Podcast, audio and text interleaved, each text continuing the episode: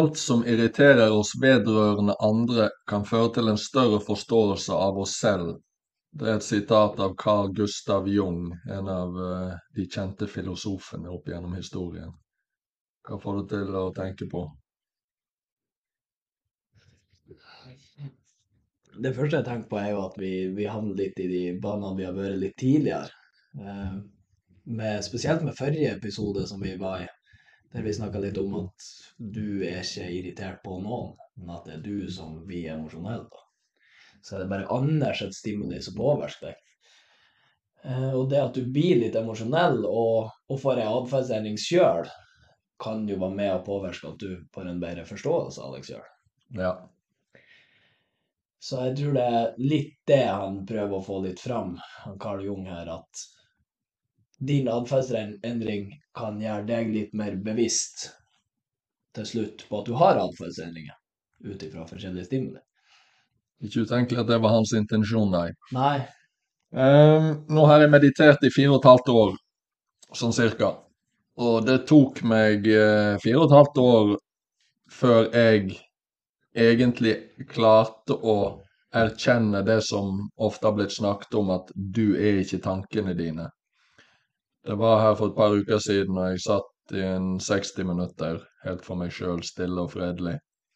Um, der jeg selvfølgelig som vanlig registrerer at det dukker opp alt mulig av tanker, men til forskjell fra tidligere, der jeg på en måte kanskje har blitt litt opphengt i, i det, og tenkt at nå må jeg tilbake igjen til pusten, eller eh, hva jeg nå fokuserte på, så klarte jeg for første gang, i hvert fall over hele meditasjonsøkten, og ja, nå dukket det opp.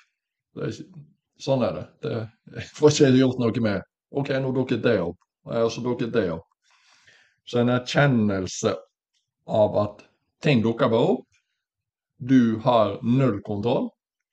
Du opplever selvfølgelig at ting du har tenkt på de siste dagene, kanskje først og fremst kommer, og så kan det komme noe som eh, ti år siden, liksom. Så, så den erkjennelsen av at ting bare skjer. Ikke prøv å styre det. Eh, bare vær der og vær til stede og, og noter at Noter for deg sjøl at ja, nå dukket dette opp. ja, kanskje noter men òg aksepter. Ja. Um, var det litt som om en, på en måte en hengelås bare åpna seg? En, noe som, som har vært litt lost over tid, og så ja, the penny dropped. Ja, the penny dropped. uh, og det var Jeg husker jeg smilte for meg sjøl og tenkte at dette var fint. Mhm. For det at det er noe uh, du forhåpentligvis kan ta med deg i, i resten av, uh, av livet, resten av hverdagen. Ting dukker opp eh, hos deg og hos alle andre. Du er Du kan ikke kontrollere det, de kan ikke kontrollere det. Eh, og det er klart, det her har jo følger for alt mulig rart, egentlig, hvis du tenker eh, dypt gjennom det. Hva slags opplevelser har du rundt det her? Det der temaet der som du er inne på, det kan jo flere ha, en, en, ha litt kunnskap om. Men det jeg tror uten at jeg vet, er jo at akkurat den opplevelsen du fikk, og den aksepten du har overfor deg sjøl, er mange som har litt problemer med å komme fram til, litt på grunn av at det kan være ganske ukomfortabelt. For det er Det kan jo oppleves litt som om at du mister litt kontroll på deg sjøl. Ja. Og det å miste kontroll på seg sjøl, da har du ikke kontroll på noen ting lenger. Det er mye rundt oss som er ukontrollerbart og, og er umulig å, å styre, men, men oss sjøl kan vi ha en illusjon om at jeg styrer meg sjøl. Jeg har ei vilje som, som går den veien jeg vil. Og da er vi jo litt inne på temaet om fri vilje. Og det er jo blitt skrevet litt om, og, og jeg har lest litt om det sjøl òg, da. Og det er jo litt inne på det du opplevde sjøl. Det at ingen av oss vet hva vi blir å tenke om ti sekunder, ett minutt, to timer. Ingen av oss vet ikke akkurat hva som blir å skje. det bare popper opp og bare kommer fram i bevisstheten vår nå og da, uten at vi kan kontrollere det. Mm. Og det er jo med på å underbygge den teorien og kanskje forståelsen om at vi kan ikke velge helt sjøl hva vi tenker og gjør og, og sånt, men at det bare eksisterer, kommer Ja. fram.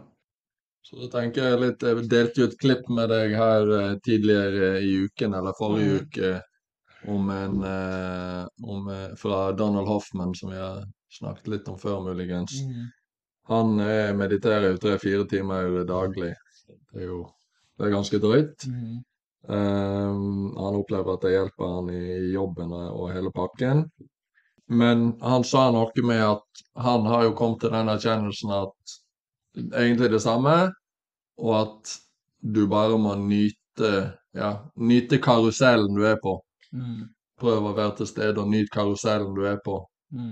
Eh, og det får jo en til å tenke videre på Altså, vi har snakket masse om det her uh, å være i øyeblikket, uansett hva du driver med.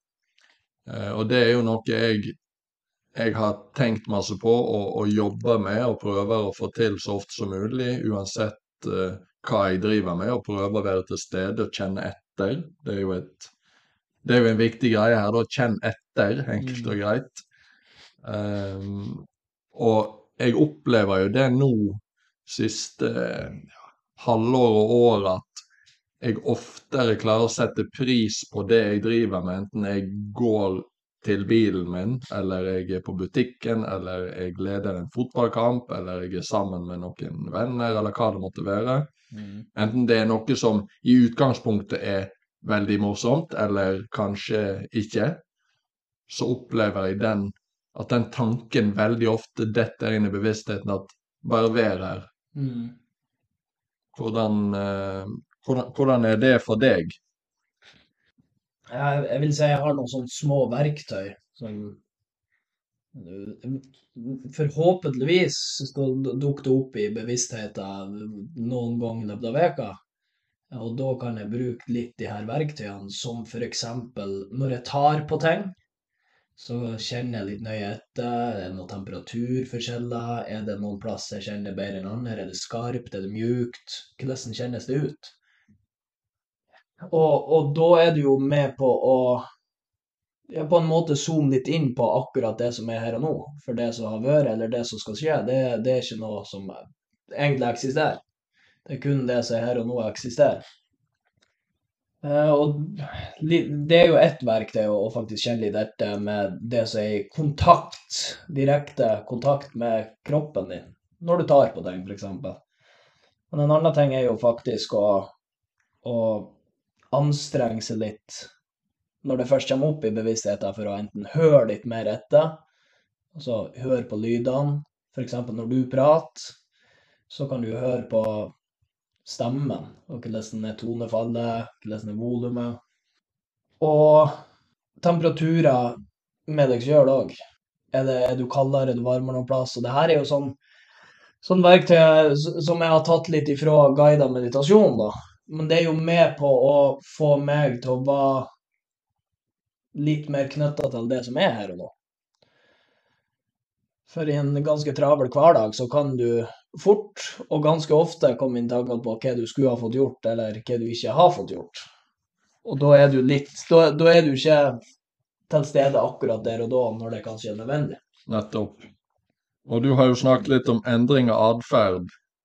Eh, og dersom vi har null kontroll på hva som eh, skjer, hvordan, eh, hvordan endre atferd?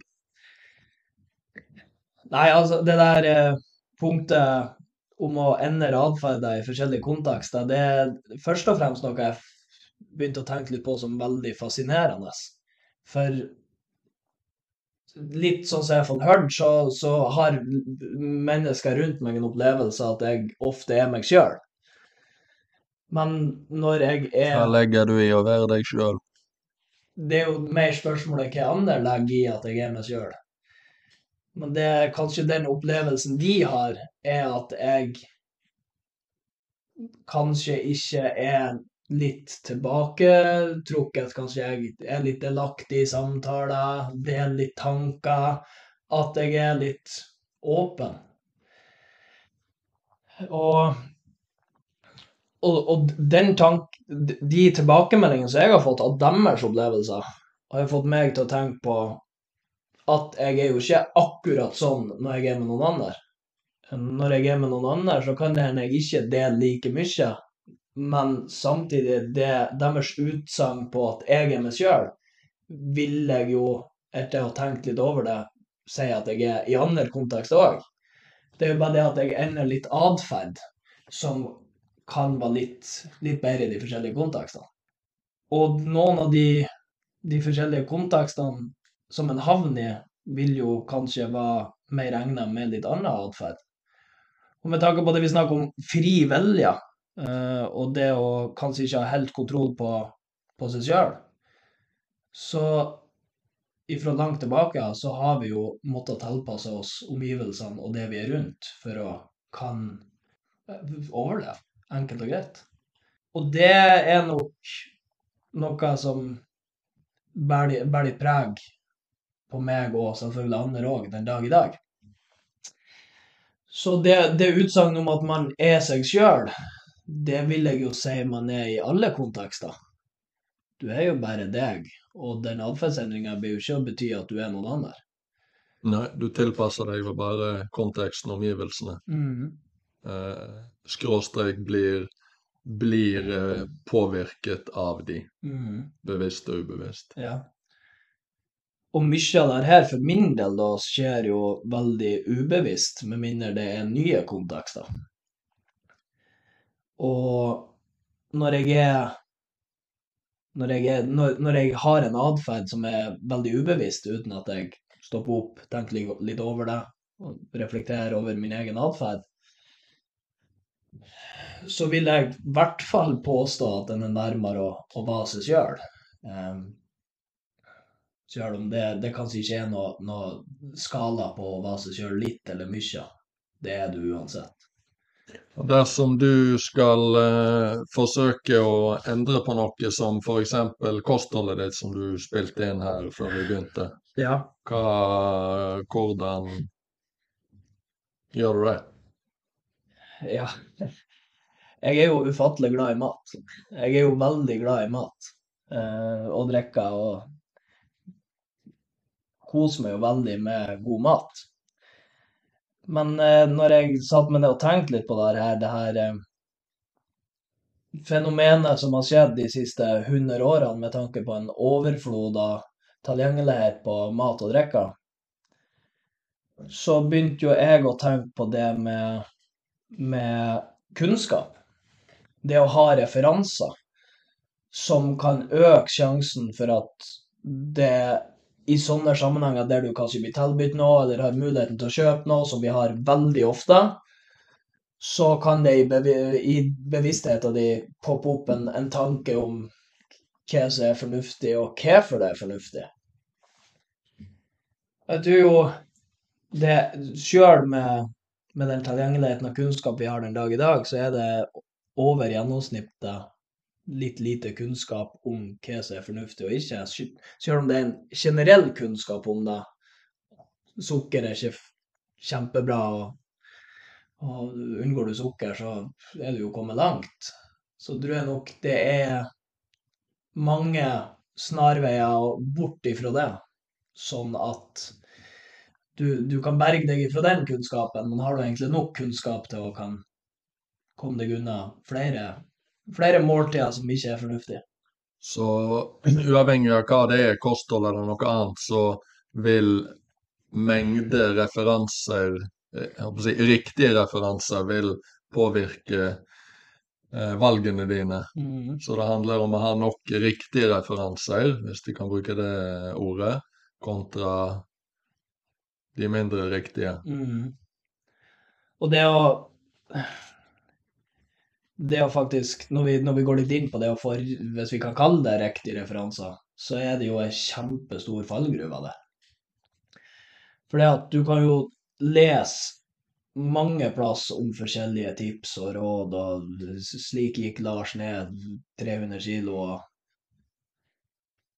og det, det, det er nok veldig mye fallgruve der. Om, det er nok en del som kan gå i den fella at de tar det for god fisk, de referansene som de får der ute.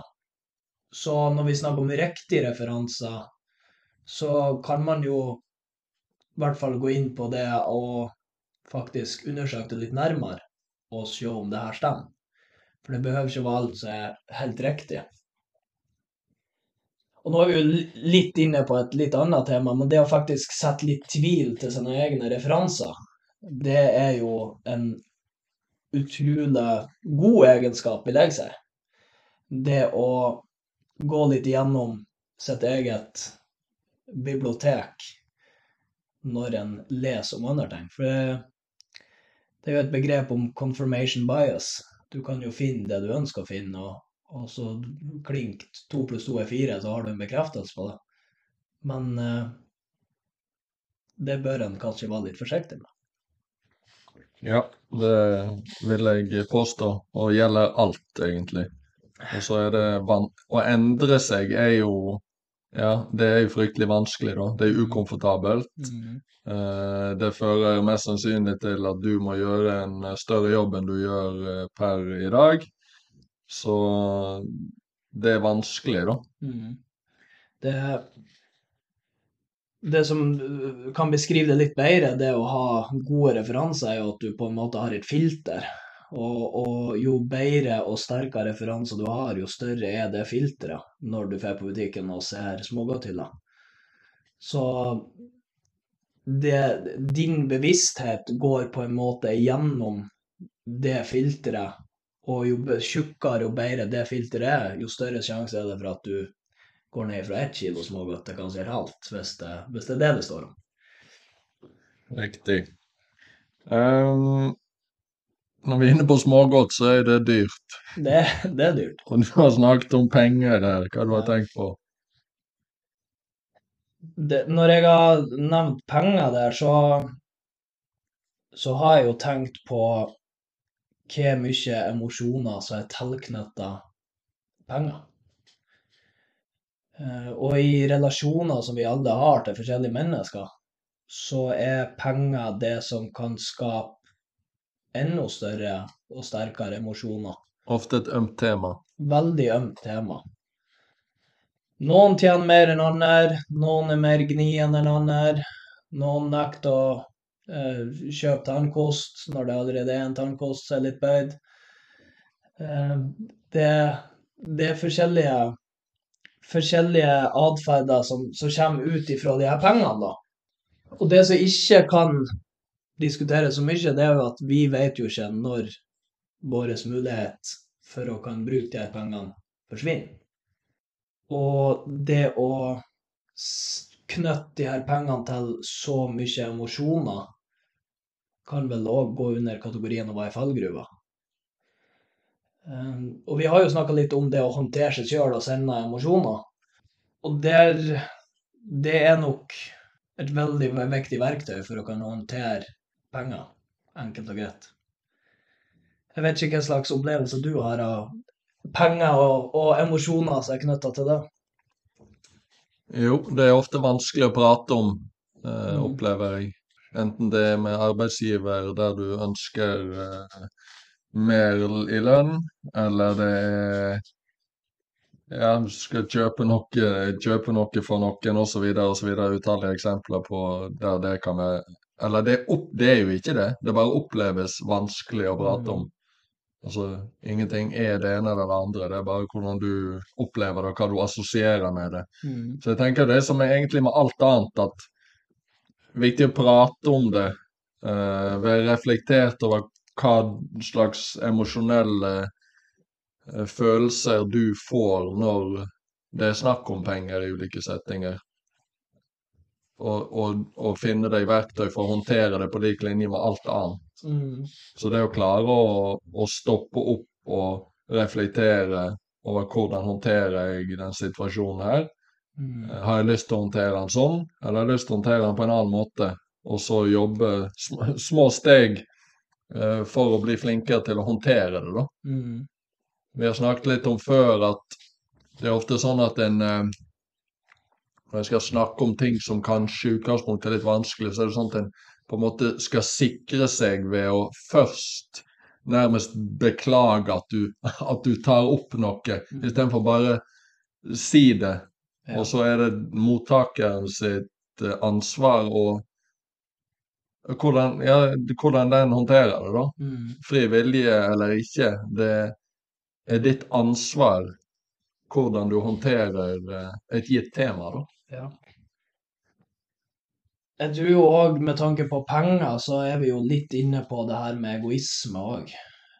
og vi Definisjonen av egoisme kan jo diskuteres med tanke på at det kan være en, en plass på skalaen du er. Er du veldig egoistisk, eller er du mindre egoistisk? Setter du deg sjøl framfor andre ofte, lite? Setter du Gleder du tre stykker, eller gleder du ti stykker? Det er jo et, et tema og, og en definisjon som er veldig diskuterbar. Men eh, det er nok, med tanke på penger, så er det nok Med tanke på dopamin og det å faktisk få en, en egen glede, så er nok det sterkt knytta til egoisme. Og at mer penger på sparekontoen kan gi deg en større grad av den utskillelsen. Og derfor kan det være litt vanskeligere å bruke de pengene når det går utover deg. Så for noen kan det være vanskelig på bakgrunn av at det gleder ikke deg nok, det at du gleder andre. Men i andre tilfeller og til andre mennesker så kan det være den gleden med å gi noen andre gir deg nok glede, opplevelse av glede. Og, og at det er jo òg en grad av egoisme, Mm. men at det ikke gleder bare deg sjøl, men at det kan glede noen andre i tillegg. Ja, vi har jo snakket litt om det der at uh, uansett hva du gjør, så gjør du det for deg sjøl. Men jeg tror jo det er en, det er en god uh, en god tanke du er inne på der med hvor mange kan du glede ved å gjøre velge det ene eller det andre. Uh, det tror jeg er veldig, veldig fint for alle å, å tenke over. Mhm. Men eh, det, med, det med dopamin, det får meg til å tenke på et eh, begrep som heter forgjengelighet, eller efemeralitet. Ja, det, jeg, prøv, jeg prøvde å lese det ordet når du sendte det til meg. Jeg greide ikke å lese det. Det var helt umulig. Ja, det er ikke så lett. Nei. Men det handler egentlig bare om at alt er forbigående. Og veldig mange ting går veldig fort over. Mm. Som den neste tanken din, som den neste setningen du sa, som det neste øyeblikket du opplevde, eh, som den siste sjokoladen du spiste. Det går rimelig fort over, da. Mm. Eh, og det Det er veldig vanskelig å akseptere, tror jeg, for veldig mange. For det at vi kan alle kjenne oss igjen i at vi tenker veldig mye på det som har vært, og skulle gjort det i stedet. Og jeg ønsket jeg hadde gjort det på den måten. Mm. Men det har vært, og det har gått, gått over, holdt jeg på å si. Forbigått. Hvorfor tror du vi ikke klarer å bare akseptere at det har skjedd, og det er ferdig, nå er det neste? Hvorfor tror du det er så vanskelig for oss? Jeg tror jo her, med tanke på det du sier der, så er det en, en del emosjoner tilknytta det. Og i tillegg så kan det som har skjedd, ennå i en, i en viss grad, selvfølgelig, det er jo òg en plass på skalaen, ha en påvirkning litt senere. Og når du får den påvirkninga senere, om det er bare tanker, eller om det er faktisk noe, så, noe stimuli rundt deg som, som kun har endra seg, eller ble endra pga. det som har skjedd, så kan du bli litt emosjonell senere igjen òg. Sjøl om det har skjedd tidligere. Og det kan nok være med på å gjøre det, sånn som du sier, enda vanskeligere å, å akseptere at det som har skjedd, det har skjedd. For at veldig mange av samtaler du har rundt ulike tema med, med, med ulike personer, veldig mange av de samtalene handler om ting som har skjedd. Veldig mange eh, Altså hvis det er noe som ikke har gått som, som du eller flere ønsket, da. Hvorfor bruke så mye tid på å snakke om det? Hvorfor bruke så mye tid på å henge seg opp i det? Hvorfor eh, bruke så mye tid på å dele ut skyld og fortelle den og den at du burde heller gjort det sånn, hvorfor i helvete gjorde ikke du på den måten? Du får ikke gjort det om igjen. Det har skjedd. Og så skjønner jo alle at eh, du må ta lærdom av videre, selvfølgelig, men det er en annen ting, da, Ja. opplever jeg. Hvis det er gått gjennom, du har hentet ut det du kan hente ut som er fornuftig, så la det være. Bli ferdig. Gå videre. Det brukes så sinnssykt mye tid, energi, irritasjon osv. på ting som har vært, istedenfor bare, som vi snakket om tidligere, nå det neste. Bare hopp på karusellen. Mm. Hopp på den neste hesten, Mm. og så fortsett å leve. Ja. Det, det er nok ukomfortabelt for flere. Og kan akseptere det at du ikke får gjort noe med det som har skjedd. Eh, Og det, det tror jeg òg er en det, det, Der kommer det jo en del emosjoner når det er ukomfortabelt. Og det er nok med på å dra oss tilbake til det som har skjedd. eh, oftere enn det som er fornuftig. For sånn som du sier, ja, du, du lærer av det som har skjedd, og du kan tenke gjennom det, men hvis du skal beskrive det som en vei, så kan det være lurt å kjøre av den litt tidligere enn det mange gjør, tror jeg. Eller det vil jeg virkelig tro. Ja. For eh, altså, det er fryktelig mye som dukker opp når vi snakker om det, og alt er ikke, alt er ikke plassert i riktig kategori. Eh, Så det blir litt i alle retninger her. Men eh, jeg tenker det at altså Si at du er ute og spiser eh, middag med en eh, stor gjeng, Mm. og så eh, søler du mat på deg, Mm. på den hvite skjorten din. Og så i tre sekunder så er alle ha-ha, se hva du gjorde. Ja. Det er jo noe som kan få en person til å tenke på det den neste uken. Mm. Åh, jeg sølte på meg over flaut, og alle lo. Hvor mange andre enn du tenker på det bare 15 minutter seinere? Mm. Og sånn som du beskriver det der, så er det jo litt eh, den egenskapen å, å kan zoome litt ut. Det å kan tenke litt større og Ja, du er på en måte i din egen lille boble, men hva er egentlig utafor den bobla? Hvordan ser det ut der?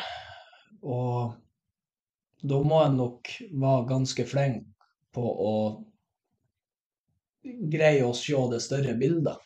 Og det må øves på. Men det å greie å, å sette ting litt i perspektiv, annet enn ditt eget, det tror jeg vil hjelpe veldig, veldig på for å kunne håndtere det. For den eh, ultimate eller siste forgjengelighet, siste forbigående, det er jo livet ditt. Mm. Til slutt så er det du som er forbi. Ja. Så det er jo den. Altså, da har du zoomet helt ut på 100% på Google. ja. Så, så hvis du drar det så langt, så hva i helvete betydde det at du sølte Ja. mat? Det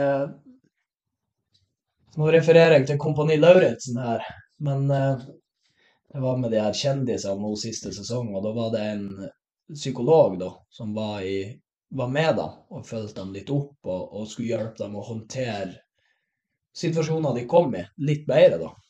Og det, det han sa en gang, det husker jeg litt når du sier det her, står det om liv og død.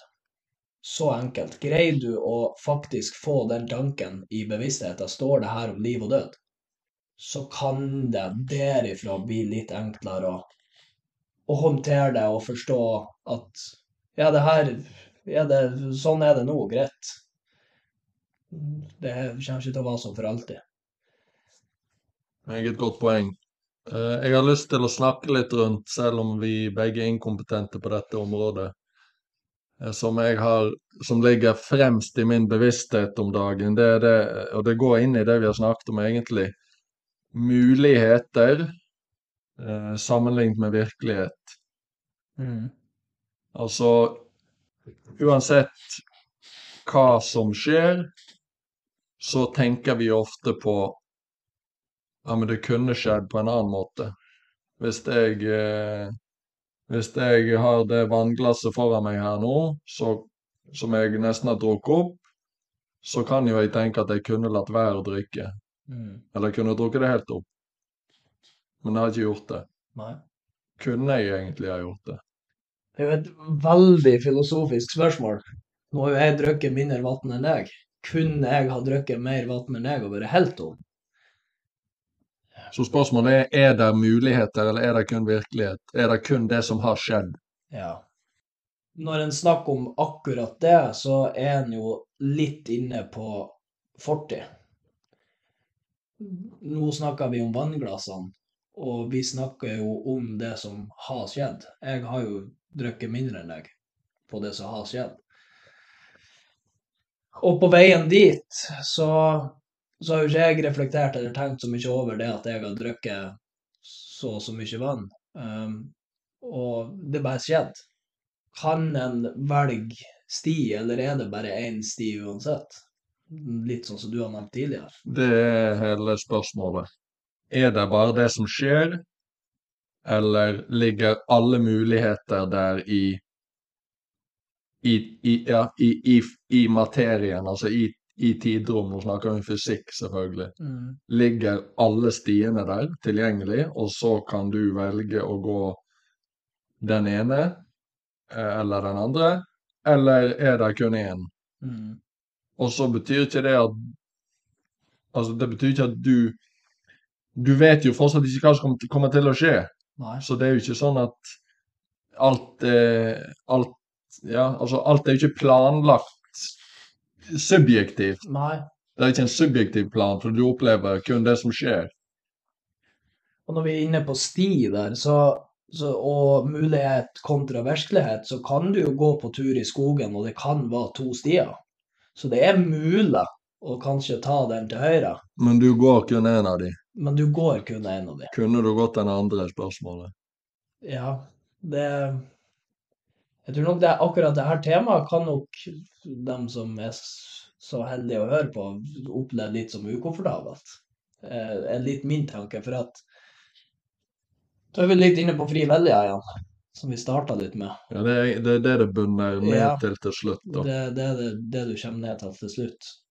Kan du egentlig velge? Og da, da er vi, med tanke på det vi starta med her nå, med, med muligheter kontra virkelighet, så, så er det kanskje enda vanskeligere å akseptere hvis det nå skulle være sånn at det er bare ei virkelighet. Det er ukomfortabelt for mange. Ja, men samtidig så vet du ikke hva som kommer til å skje. Si at det kun er én vei, da. Og mange, eh, mange handlinger eh, på den veien. Mm. Så vet du fortsatt ikke hva som kommer til å skje. Så å akseptere det er jo på en måte òg litt fint, da. Mm. At du, du får ikke styrt det uansett. Så hvorfor ikke bare hoppe på karusellen og Ja. nyte det? Ja, for, for sånn som jeg vinkla det, så var det litt, kunne det være litt ukomfortabelt. Men på en annen måte kan det jo være utrolig behagelig. Når du først innser da, Ja. At uh, det er bare virkeligheten. Det er bare bevisstheten.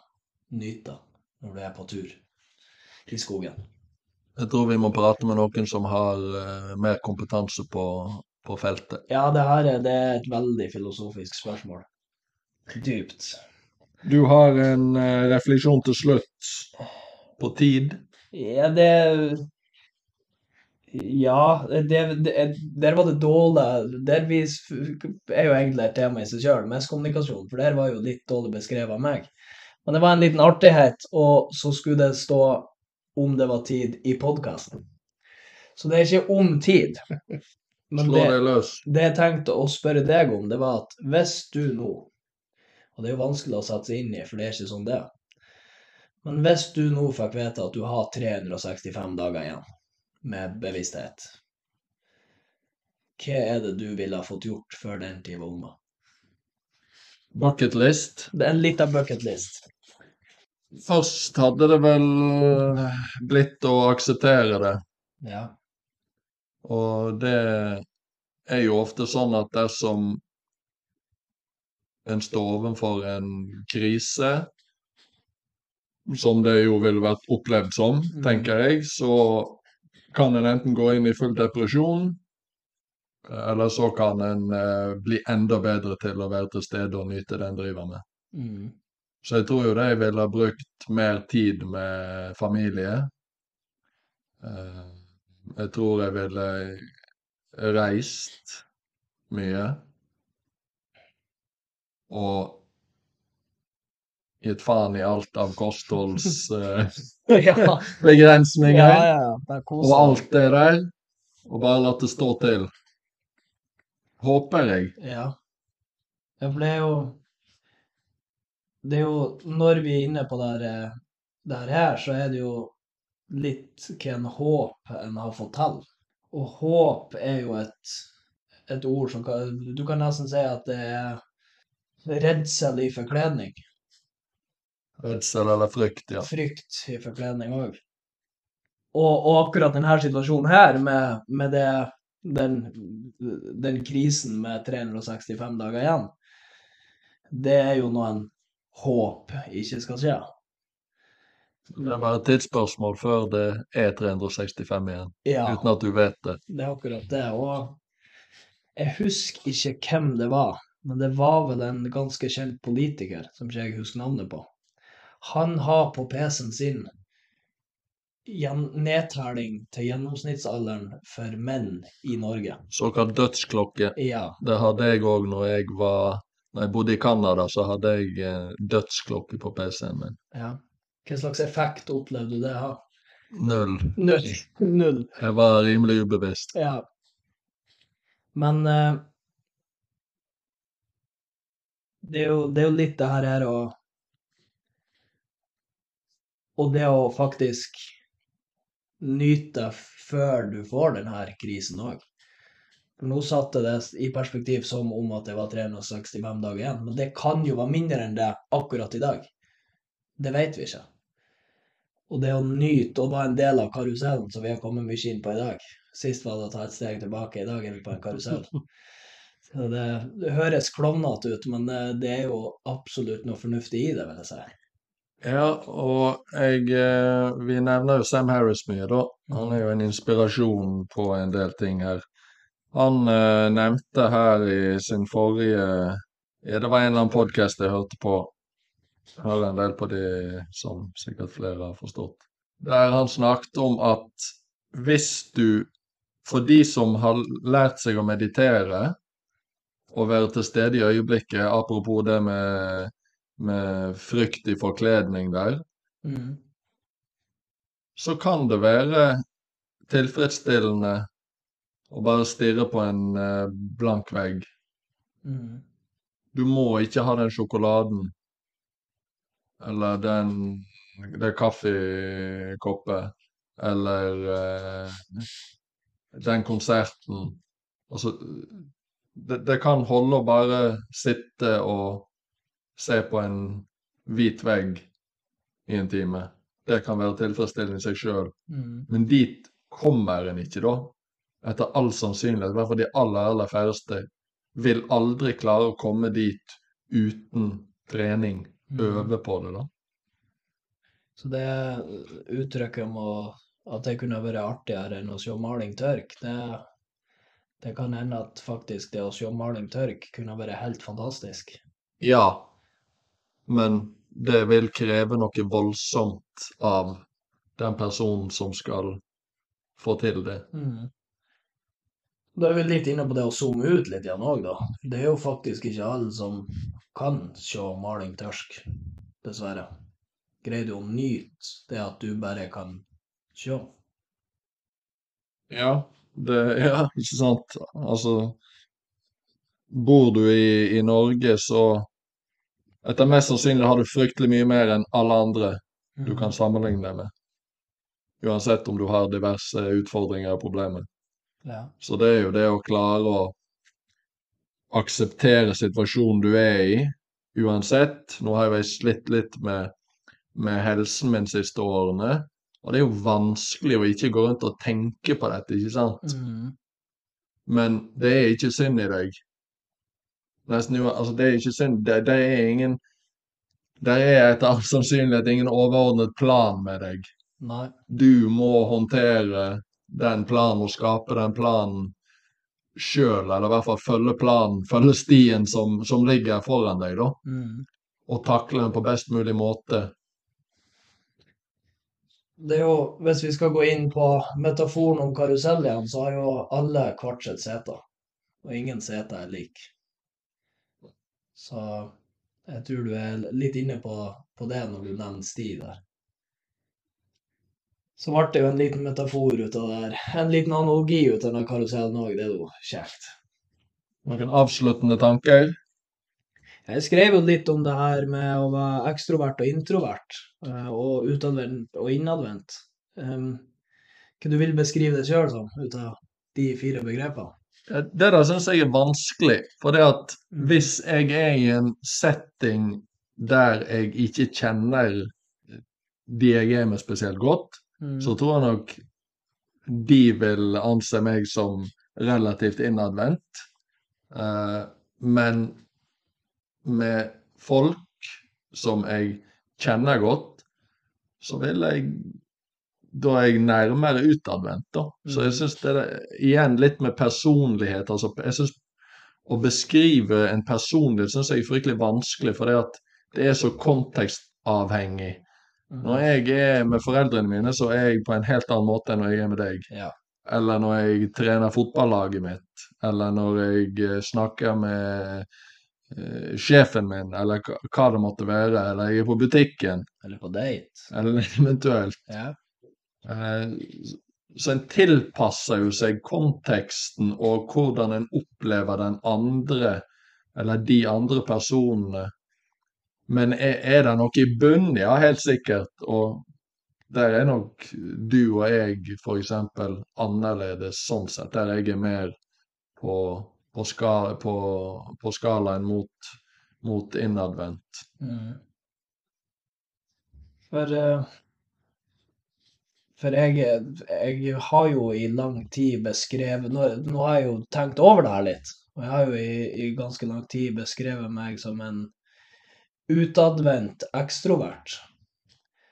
Eh, Og når vi snakker om introvert og ekstrovert, så er det jo litt det Hva du på en måte trives av, hva som gir deg litt energi, hvis jeg kan bruke det begrepet. Og, og, og jeg har jo vært veldig glad i å være alene. Men når jeg har vært sammen med der, så har jeg jo vært veldig verbal. Jeg prater med folk, stiller spørsmål. Jeg er, kan nok oppleves som veldig utadvendt i mange forskjellige kontekster. Men det har ikke betydd at jeg på en måte har blitt bygd opp av det. Jeg kunne nok ha blitt Jeg kan bli, og kan ennå bli det, litt mer utsliten av å være med mye folk enn å være alene. Men det som er litt interessant for min del, det er jo det at jeg har jo en fantastisk samboer nå. Og hun har vært en god del hjemme nå i det siste. Og det betyr jo at jeg aldri har vært alene. Utenom de få korte bilturene jeg har.